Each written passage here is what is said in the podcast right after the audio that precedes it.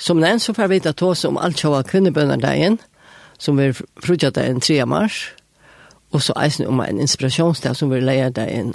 Agenda februar, nå kommer han leier det. Og her i stående er nå kommer Ellen Margrethe Gulling, som er formøver i Danmarks økumeniske kvinnekomité, og søster Marisa, som ombår første kvinnebønnerdagen. Ja. Så velkomna til Bård. Takk skal du ha. Nu prøver jeg å slå over til dansk.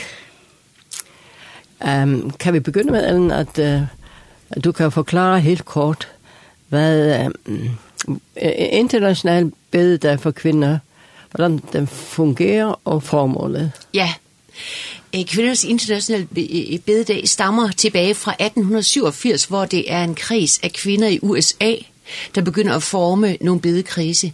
Og det øh, breder sig ud over verden, den idé. Øh, og øh, i 1922, der er det, at øh, Metodistkirken i Odense, nogle kvinder der, tager ideen til sig og begynder at arbejde for, at det skal blive integreret i Danmark. Og det sker så også øh, senere, så bliver det en, øh, en, en, en ting, vi gør i Danmark, og, og dermed også færøerne.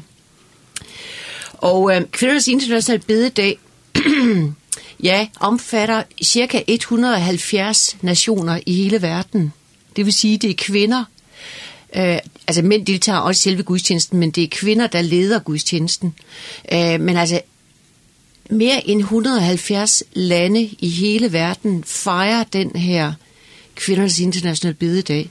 Og det er jo fascinerende at tænke på, at fra solopgang til solnedgang over hele kloden, over hele globen, den her globe, vi bebor, jamen der er der kvinder, mænd, som ber med på den samme tanke, den samme gudstjeneste og den samme liturgi. Uh, og, uh, og det er jo altså uh, Jesus Kristus, uh, vi bekender os til som verdens frelser, den der giver os freden øh, men som også kalder os til handling. Altså handling for det gode, det skønne, det sande, det retfærdige. Ja, jeg har også været meget betaget af det der med, at det døgn der, ja. der hele tiden er nogen et eller andet sted i verden, ja. der bærer. Ja. Og det samme ting og sådan noget. Ja. ja.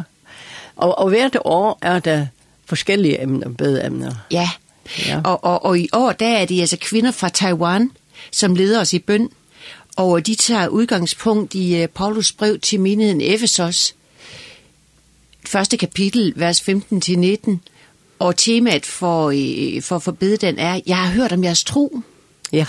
Apostlen Paulus siger, jeg har hørt om jeres tro, siger han til menigheden i Efesos. Og hvis man dykker ned i, hvordan den menighed var, da han i sin tid grundlagde den, den var omgivet af store farer. Altså det var jo Det var lige præcis i Efesos, at uh, Paulus han var, i, i, ja, altså, han var jo livstruet. Um, altså, de var ved at stene ham ud af byen, da han kom og missionerede i sin tid. For der lå et kæmpestort Artemis-tempel i Efesos. Øh, og der var en kæmpe indtægtsindustri omkring den der hedenske tempel. Så det kan man læse om i Apostlenes Gerninger. Men der ja. bliver altså grundlagt en stærk menighed, Og øhm, i brevet der til minen Efesos, der øh, takker Paulus jo for deres tro, Det er en menighed, der er udsat for store trængsler og genvordigheder, men de har en levende tro på håbets Gud. Ja, nu ved jeg ikke om... Der var flere verser. Ja. Kapitel 1, vers 15-19, ja. Men jeg ved ikke, om vi skulle læse det op. Det var måske en god idé. Ja. Øh, øh, ja. Det er en færøsk bibel, men... Jeg læser jo ikke færøsk, ja. Nej, så skal har, du næsten læse det. Du har det, det på telefonen, nå? Øhm, nå. Jeg, jeg, jeg har ikke... Min bibel ligger hjemme på værelset. Oh, ja. Den store danske bibel. Ja. ja. Okay, jeg læser det op. Ja. For det er meget sigende vers, synes jeg. Ja. Det var fra... Fra 15. Kapitel 1, vers 15 til 19. Ja. Ja. Så jeg fikk jeg høyre om tryggtikkere og Herren Jesus og kærlige tikkere til ødelen heilave. Her vil jeg ikke helt jo pæt at takka for tikkene, da jeg minnes tikkene og bønemoinen. Ja at god herre okkara Jesus Krist, færre dårdarene, skal djeva til kun anta visdoms og åpenberingar til kunnskap om se, og oppløse ei og hjertet tikkara til skilja vågna og han har kallat tikkun til. Kåse røyker ut ord, arver hans her er mittelen heilava, og kåse og medelig stor kraft hans her er og som trykka, så er som veldig styrke hans her virkar. Nu förstod du inte det, men du vet vad det står. ja, jag vet vad det står, ja. Men jag tänker på nu, förklarar du att det, det var meget modgang han havde i forfølgelse i Efesus. Ja. Hvordan er det på Taiwan? Ja, Hvad er det for en? Ja, ja, ja, jeg ved faktisk ikke lige så meget om Taiwan, men jeg ved jo om Kina. Ja. At kristendommen vokser i Kina, men der er også stor modstand. Ja. Øh, og, og i det hele taget, så, så synes jeg, at Taiwan, det er interessant, det Taiwan i år, ikke også? Fordi at det er jo, øh, hvad skal man sige, det er jo, altså politisk set, ikke også? Så er det et spræng, sprængfelt derovre lige nu med Korea, Kina, Ja. Øh, altså, og det, det er så stor en ø, er det jo heller ikke. Hvis man kigger her i vores hæfte, så kan man se, at, at i længden 320 kilometer, ikke også? Altså, det er ikke nogen stor ø, Nej. Taiwan. Det er ikke noget stort rige. Um, Men det er selvstændigt, det? Det er, Eller, det er forskellige altså, meninger kan, om det. Man kan læse mere man kan læse mere på kvindebidedag, altså vores hjemmeside www.kvindebidedag.dk omkring Taiwan. Men, men jeg vil gerne sige lidt om flaget også. Det står nemlig også noget om i vores hæfte. Åh oh, ja. Øhm, øh, Republiken Kinas flag eller Taiwans flag er rødt med en blå karton, hvorpå en sol med 12 stråler er placeret. Det benyttes både som nationalflag, statsflag og orlovsflag. Flag blev indført 1928 som Republiken Kinas flag, som var under ledelse af nationalistpartiet Kuomintang. Partiet førte en hvid sol på blå bund som, et, som sit partiflag. De 12 stråler symboliserer døgnet en stråle for hver anden time. Nationalflaget blev partiflaget kombineret med rødt, kinesernes traditionelle farve. Kuomintang, det var nationalistpartiet, blev i borgerkrigen drevet tilbage af kommunisterne og søgte til slut tilflugt på øen Taiwan, som fortsat fører flaget, stadig under navnet Republikken Kina. Så det, det siger jo også noget om, at der er stridighed, altså politisk stridighed. Ja. Taiwan er en, en, en, hvad skal man sige, en brik i et politisk stor, stormagtsspil. Ja, det hører man en hel de, del om. Ja, jamen det gør man nemlig, og det er kompliceret også at fortælle for meget om det, ikke også? Fordi de skal hele tiden holde sig gode venner med Kina, og samtidig så er de orienteret mod Vesten. Ja. Øhm, så de, man, men man kan læse mere om Taiwan, ikke også, på vores hjemmeside, www.kvindebededag.dk. Ja, og jeg så også i, i jeres øh, pjæse, at det er godt 100 år siden missionærer kom der, de første missionærer. Ja, ja lige præcist, lige ja. præcist. Det er jo også interessant at tænke på, ikke også, missionæren. Jeg tænker jo også på det hver gang, jeg, eller nu det er anden gang, jeg er i Færøerne. Tænk, at der er kommet missionærer til Færøerne. Altså, de sejler ja. over det oprørte hav. Ja. Det er fantastisk at tænke på, ikke også? Og sådan er der kommet missionærer til Taiwan også, som har talt ind i, øh, jamen, i den der i de religioner, der har været der dengang, ikke også? Ja. Plus ateisme, ikke også? Og kommunisme. Men, øhm, men jo også øh, taoisme. Altså, der er jo forskellige religioner. Er det i de det der nu lande. også? Hvad? Hvad siger du? Hvad er hovedreligionen nu i Taiwan? Jeg ved det faktisk ikke. Altså, jeg har ikke på den måde lige... Øh, Nej. øh, men, men altså, når man spørger for eksempel i Kina, hvad er hovedreligionen er, så siger de, der er ikke nogen. Og der er fordi ikke nogen, okay. At, altså, det siger de jo i Kina, fordi ja. det har været under maoismen, ikke også? Der blev ja. religionen jo bortskaffet, udryddet. Ja. Men, men går man tilbage i Kinas øh, historie, så er det jo taoisme, ikke også? Der er også nogle enklaver med muslimer. De bliver så også forfulgte derovre, ikke også? Ja. Øh, og buddhister og hinduister, eller hinduer. Ja. Og det er alt sammen, fordi at der er jo livlig handel, ikke også, øh, i Asien. Så man fører forskellige religioner med sig. Ja, der er mange nationer, der ja, handler, ja. Ja, men, men altså, maoismen øh, øh, bragte jo nemlig en... Altså, religion blev skubbet ud. ja. Jeg har jo selv døbt en kinesisk kvinde i øh, Nathanaels kirke. Altså, i, i, altså, det var helt fantastisk. Må jeg fortælle den historie? Ja, gerne. Ja. Meget gerne. Nej, men det er jo for flere år siden. Øhm, øh, og, og jeg står der en søndag efter gudstjenesten og ønsker folk god søndag. Og det er lige ud til gaden. Og så ser jeg sådan en smuk kineser i indkomst gående forbi med sådan en trækvogn med et lille barn i, og jeg tænker, at det er mor og barn. Så jeg rækker ud efter hende, og der på Holmdagsgade, der er jeg vant til at snakke engelsk, fordi der er så mange, der ikke taler dansk. Oh, ja. Så jeg siger, hello, uh, nice to see you. Uh, og så griber hun fat i mig, og så får vi en lille snak. Og det viser så, at det er um, mor, mormor, altså bedstemor fra Kina, der er på besøg hos sit eneste barn, som er emigreret til Amagerbro, sammen med sin mand, og det er altså hendes barnbarn, hun går tur med. Men fra dag af starter vores venskab. Og øh, jeg, jeg døber hende i Nathaniels kirke et par år senere. Men det er ikke mig, der, der har introduceret kristendom til hende. Det har hendes amerikanske kæreste. Fordi hun havde mødt Lyle i det lokale fitnesscenter i den by i Kina, hvor hun bor.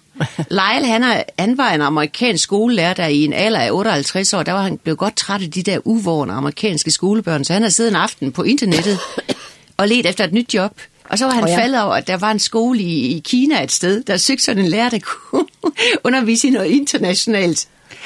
Og så søgte han stillingen, så kom han til Kina. Og, og han var kristen, eller er kristen, ja. og har sådan, hans hjerte banker for mission. Og så går han i det lokale fitnesscenter om søndagen, og der træffer han jo Link, som i en alder af 50 år er blevet enke. Okay, ja. Og de bliver altså lidt forelsket. Han introducerer kristendom til hende, fordi hun er vokset op med ikke-religion. Okay, ja. Det er hun jo. Altså ja, hun ja. er jo hun er yngre end mig, ikke også? Og der, der var jo ikke altså religion det blev bortskaffet, ikke også? Ja, hun har ikke hørt om noget. Nej, så men Leil han introducerer kristendom til hende. Og så er det jeg griber fat i hende. Jeg fisker hende ind. ja. Ude på gaden. Og så to år efter, da hun er på sommerferie hos sin familie i København, så er det at hun bliver døbt ved en højmesse. Nej, det er og, og det hele foregår historie. på kinesisk. Ja, okay. der var en kinesisk dame der boede på Amagerbro på det tidspunkt. Ja. Og hun var også med i vores menighed Hun var, øh, hun var kristen kineser, men hun oversatte alt, øh, alt hvad jeg sagde på dansk til kinesisk. Ja. Men det er fantastisk. Det var ikke tilfældigheder, det der. Nej, det tror jeg heller ikke, men det er stort. Det er meget stort, og, og, ja. og hver gang jeg møder kineser øh, i København, jeg snakker med dem, ikke også? Fordi øh, jeg synes jo, det er fantastisk. I min barndom, der var Kina et lukket land. Ja. Nu er det åbent, ikke også? Og øh, Og også dengang jeg var yngre, og jeg var gadepræst, der var jeg præst inde i Trinitats Kirke ved, ved Rundtårn, og der havde jeg også haft en sen eftermiddagsgudstjeneste, og så lægger jeg godt mærke til, da jeg kom sådan nogle unge kinesere ind øh, i løbet af gudstjenesten, og dem taler jeg med, og de øh, studerer så på øh, Brox Hans, øh, Handelsskole, de internationale studenter, ja. mm. og så spørger de mig, what uh, sort of house is this? Altså, hvad slags hus er det her? Oh, ja. De har aldrig før set en kirke. Nå. No. Altså, altså det var interessant. Det er ja. altså flere år siden, det er tilbage i 1990'erne, ikke også? Ja. Der. Det var efter, at muren var faldet og så videre, og de første udviklingsstudenter begyndte at komme fra de der kommunistiske lande. Ja. Er det ikke sjovt? Jo, det er sjovt. Men hvad er det, at var gadepræst? Hvad er det? Ja, øh, jeg, jeg var Danmarks første gadepræst, og det blev jeg så der i 1993, og det var jeg cirka 12 år. Men det er, som navnet siger, at være præst på gaden. Jeg havde også... Øh, et tilhørsforhold øh, til, øh, altså jeg var præst, samtidig præst ved Trinitetskirke ved Rundtårn, hvor jeg havde gudstjenester, konfirmander og kirkelige handlinger. Men at være gadepræst, det er at være ude på gaden og komme i samtale med de unge. Ja. Og, og sidde ude i subkulturerne Øh, og jeg havde meget aftenarbejde og natarbejde. Jeg har siddet rigtig meget rundt om i øh, udsatte øh, øh, steder. Ja. ja øh, blandt, blandt, altså på Christiania, på Pusher Street, øh, på, blandt øh, gadebørn på Nørrebro, øh, blandt prostituerede på Vesterbro og på toilettet under hovedbanen.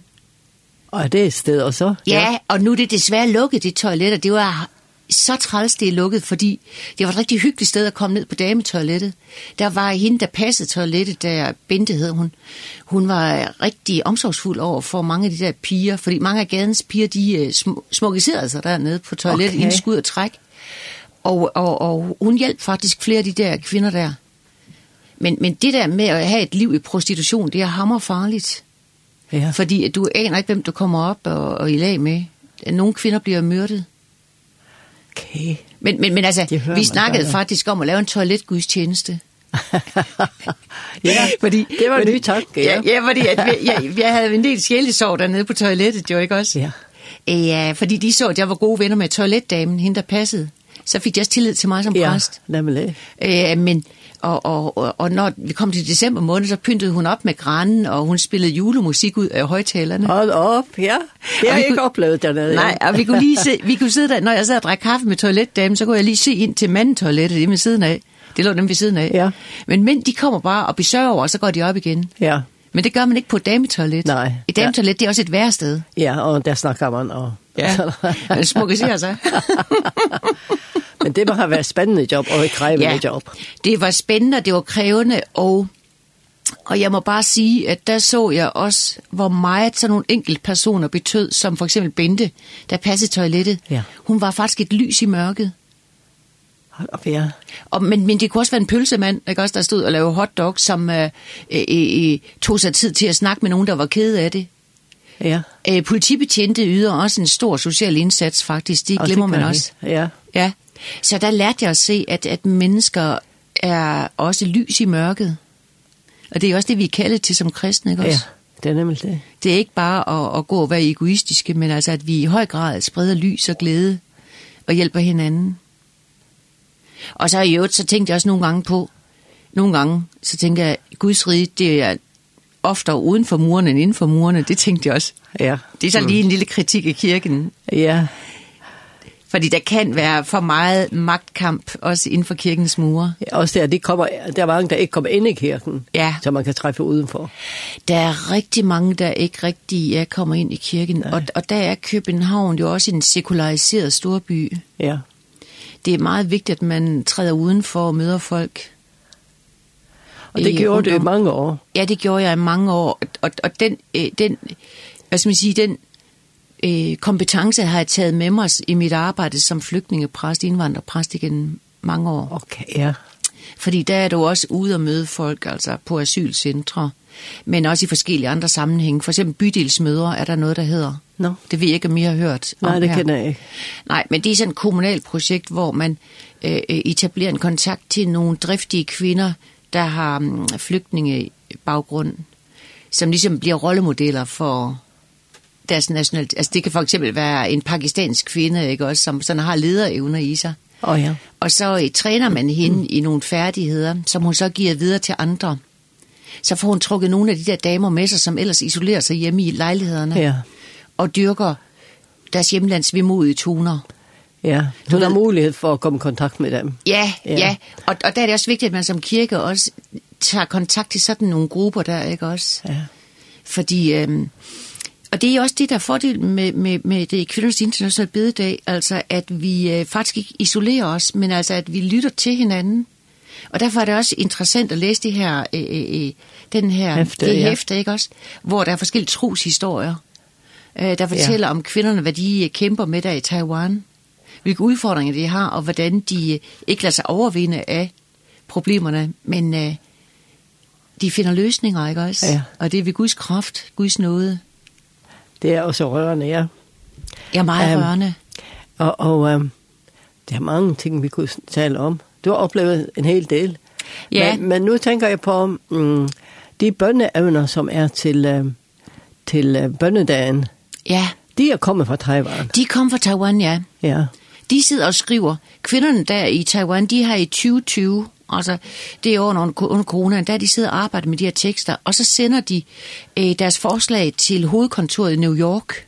Oh ja. Der har kvinders internationale bededag jo deres hovedkontor.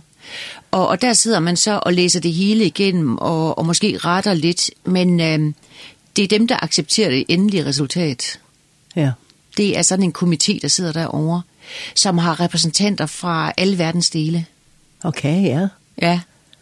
Og, det er stort foretagende, det her. Ja, men det er et stort ja. foretagende, og det var jo i USA, det begyndte. Ja. Øhm, men, men, og derfor, når vi samler penge ind, så går øh, til, på, på kvindebededagen, ikke også? Så er der jo nogle bestemte indsamlingsprojekter, som pengene går til, plus at der er en lille procentdel, der går til Ukraine og til Malawi. Nu her i år? Eh, hvert år, eller hver, hvert år, okay, hvert år ja. Det er nogle, eh, Danmarks Økumeniske Kvindekomité har, eh, har altså eh, nogle bedepartnere, og det er Ukraine og Malawi, og vi har indtil her for et par år siden også haft Litauen. Men de har sagt, vi behøver ikke længere jeres penge. Men ja. vi vil gerne have, at I beder for os. Men ja. vi klarer os så godt nu, så vi behøver ikke penge til vores indsamling, til vores ting hernede. Men i Malawi og Ukraine, der er de glade for, at der også er en procentdel af de indsamlede midler, som ryger til dem. Ja. Det er, det er nogle få procenter. Men, men, men, og det har de også takket for i, øh, i vores bededagshæfte. Der er også billeder af, hvordan øh, den, øh, de penge, der er gået fra herfra, der bliver samlet ind mange penge her på færøerne. Sidste år blev der samlet 16.000 kroner ind her fra øh, færøerne af ved Kvindernes Internationale Bededag, så det er ja. meget imponerende den offervilje, der er her på færøen, det siger vi mange, mange, mange tak for. Og det er også godt at få, øhm, for at vide tilbage, hvad de blev brugt til. Ja, ja. det er nemlig vigtigt. Ja. Og, og, og der kan man simpelthen også læse her i bededagshæftet, der står, de skriver til os, danske og færøske bededagskvinder, vi takker jer, fordi I bærer os i forbøn i denne for vores land så svære tid. Tak. I skulle også lige kunne se, hvor stor en forskel jeres økonomiske hjælp gør ved bespisning af børn og voksne, der har måttet flygte fra deres hjem i det østlige og sydlige Ukraine. Tak til hver eneste bededags kvinde, der hjælper os. Kun Kristus giver os kraft til at overvinde ledelserne. Vi ser frem til at glæde os til igen at kunne overholde bededags seminar for hele vores land.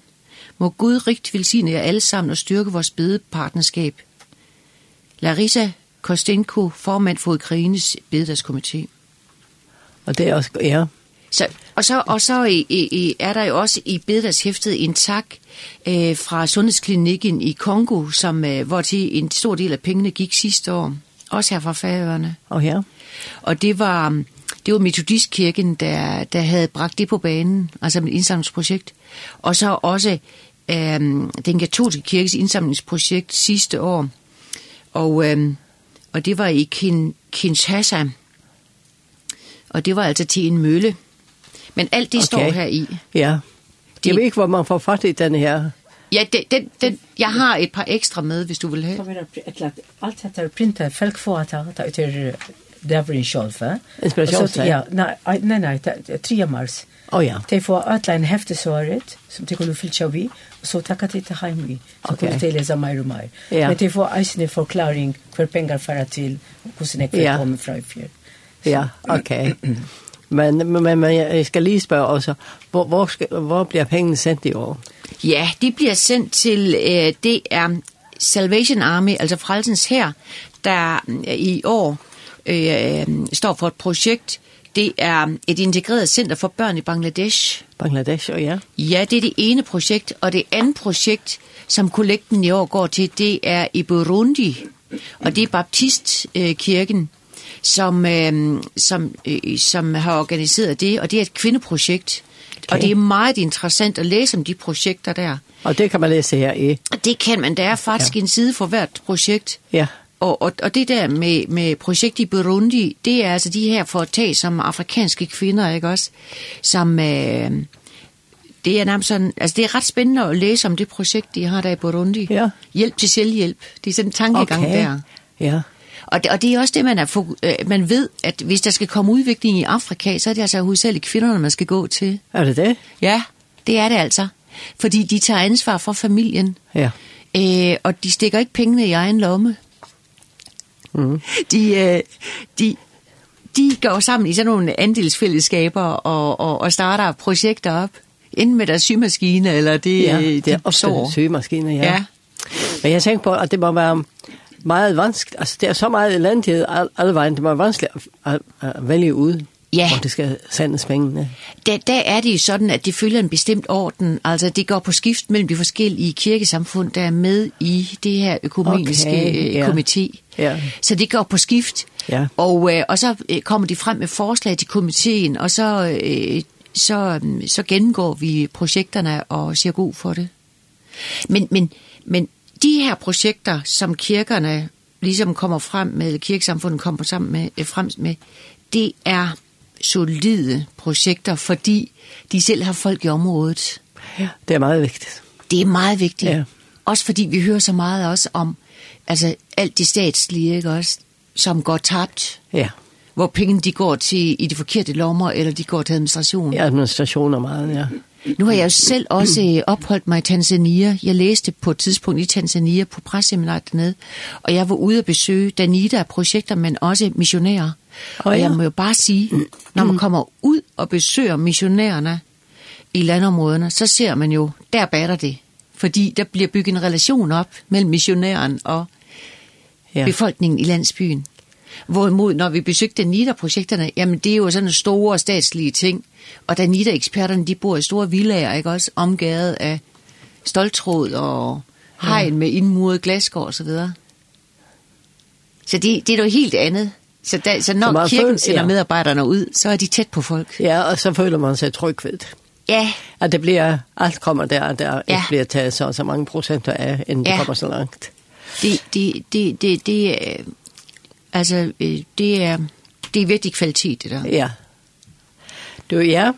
Men det bliver altså en uh, kvinde, um, international kvindebøndag, den bliver en fredag den 3. mars i år.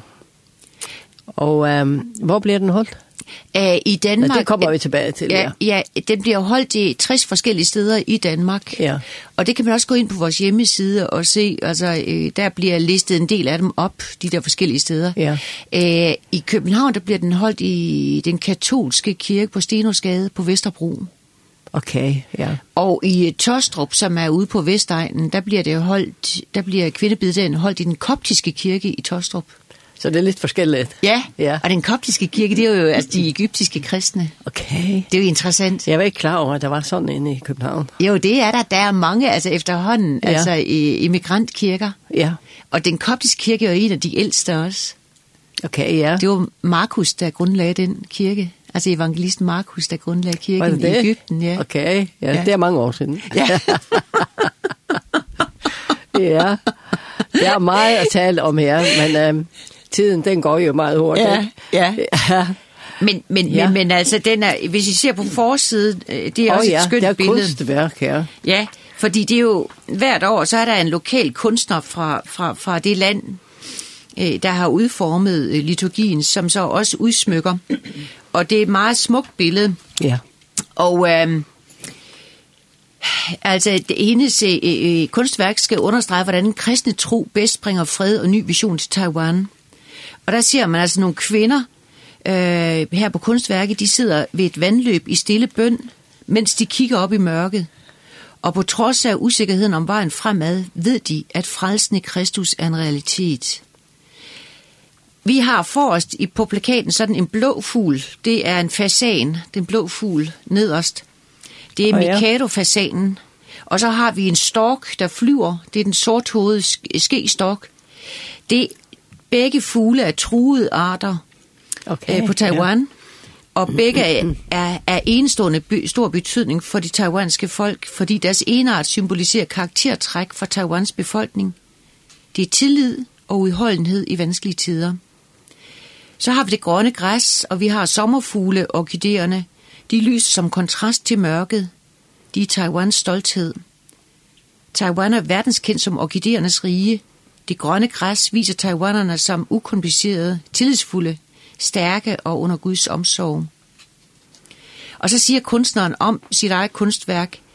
Hun siger, emnerne for min kunst har altid været at skildre forholdet mellem mødre, kvinder og folk. I mine udstillinger komponerer jeg mine kunstværker, så de udtrykker mine observationer, min taknemmelighed og min tro. Ja, og det er meget smukt. Ja. Alt i alt ja. Det men, er meget smukt. Men nu er tiden, den går fra os. Ja. Så men, vi tager lige...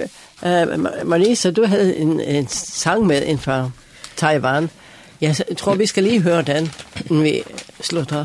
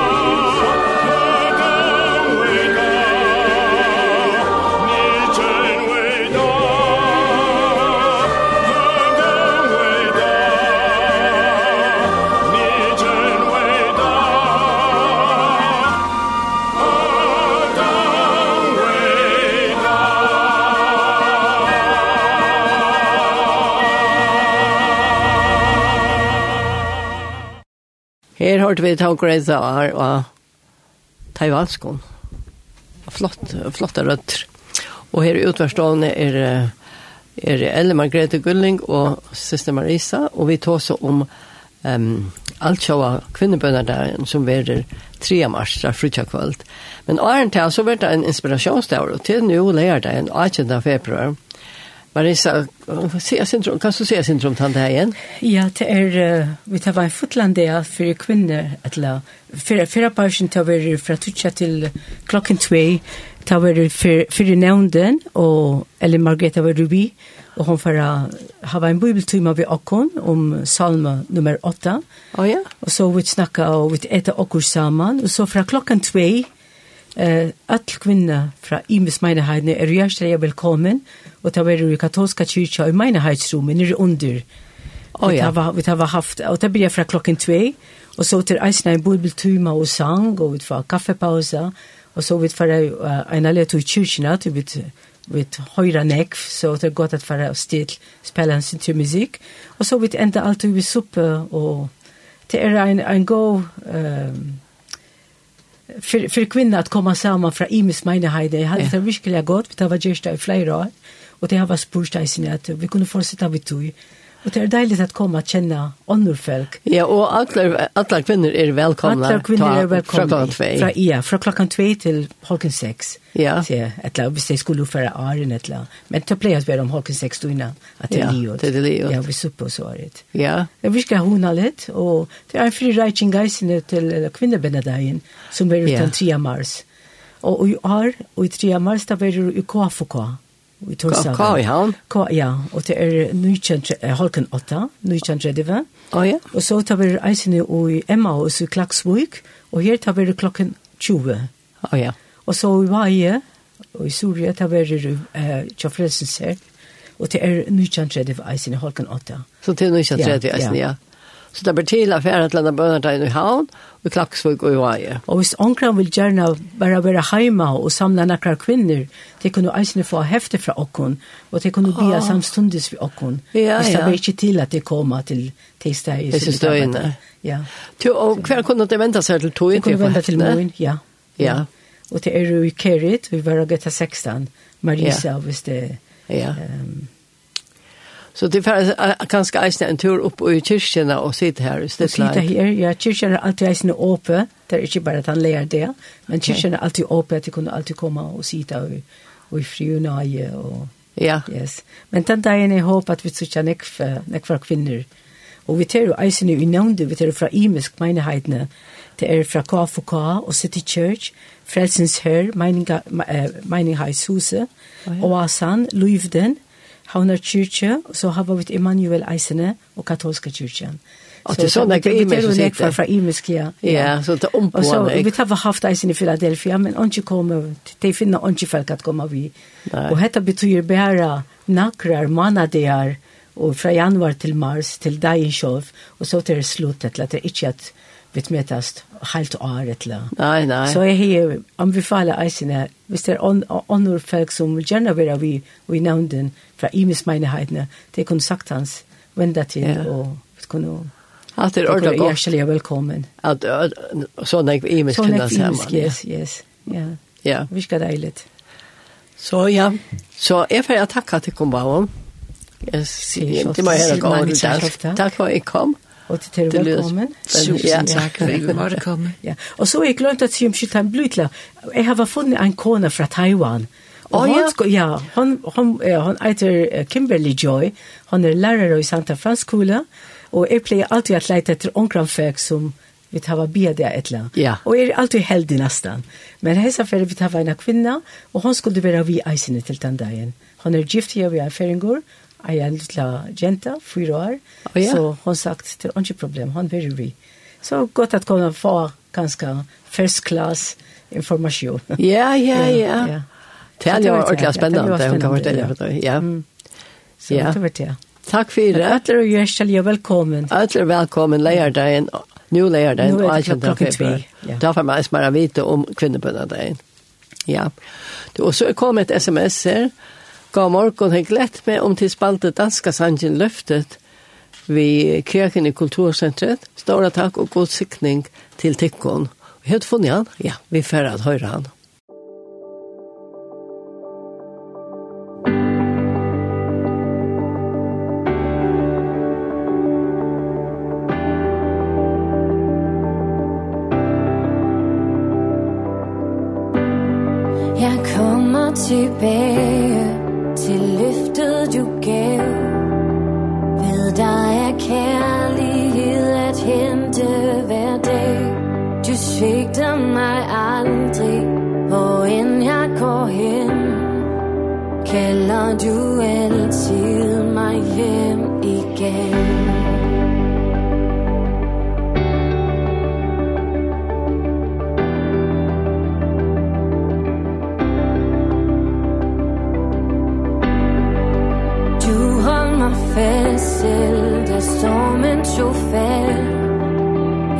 var fortvivlet, men var aldrig for let Vinden omkring mig blev lagt ved dit ord.